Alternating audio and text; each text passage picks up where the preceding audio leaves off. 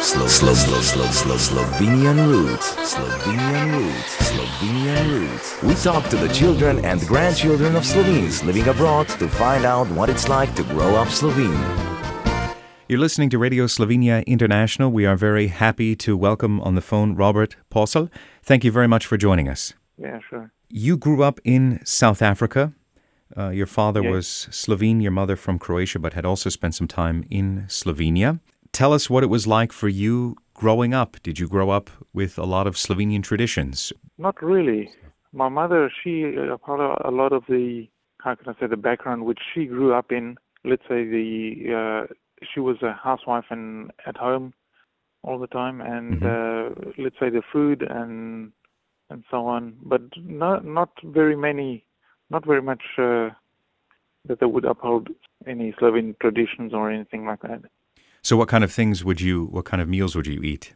Well, oh, that would be nothing really specifically special. Just that the a lot of it was the normal homemade meals.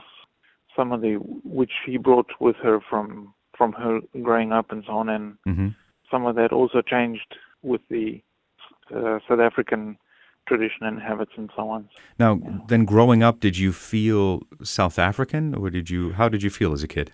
Yes, for surely, entirely South African. hmm And I must say that even though I'm here already over 20 years, hmm I still I don't see myself as as Slovene. I'm uh, very much still yeah South African yeah.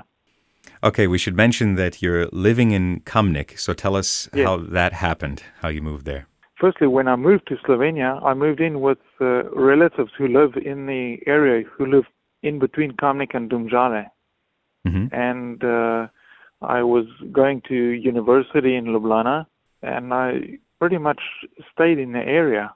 I, with the time that I lived with my relatives, then I moved out on my own, and I didn't really move far from here. And I then also met uh, my wife, also Mhm. here from Domžale, hmm and uh, then we decided to move out into a house, and we got we, a really attractive offer in Kamnik, and we moved to Kamnik, and uh, it was a very nice decision that we made. I'm I'm very happy in Kamnik. When you first came over, was it a very big culture shock moving from, from South Africa to Slovenia, or was it not?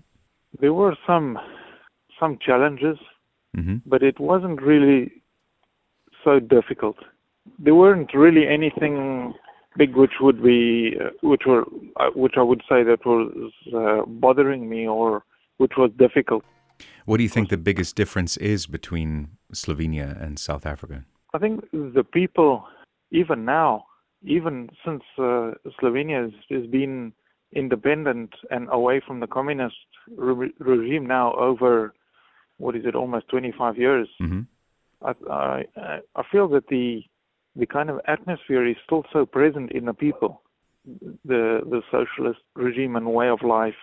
I think the biggest thing is that uh, people don't really have so much of a, of a desire or interest in in following their finding their interest and following their interest, and also uh, let's say having an interest in in a, in a certain in something specific and st- studying going in going to school in that direction and then finding a job in that direction. People were just basically out looking for a job and and that's it. And that was one one big issue something which i i see is missing.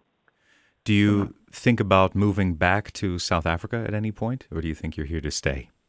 no i am here to stay. There are there are some really slovenia is a really excellent place to live and uh, there are so many things that uh, i don't see myself uh, moving out no What makes you say it's excellent? basically the way of life.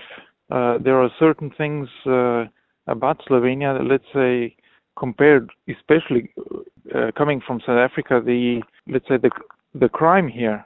I would say crime is something which doesn't exist. There there is no crime in in Slovenia. I had some really unique uh, experiences while uh, studying in in Ljubljana in the city, and basically there's no crime here. That's one thing. Another is uh, you can basically, if you have a desire to to make a life, you can you can make a life here in Slovenia, and you can live a very good life in Slovenia. Robert, thank you very much for speaking with us. We wish you Yeah, the best sure. of luck in the future. Okay, thank you. This was Slo- Slo- Slo- Slo- Slo- Slovenian Roots. To listen again or find out more, go to www.radiosi.eu.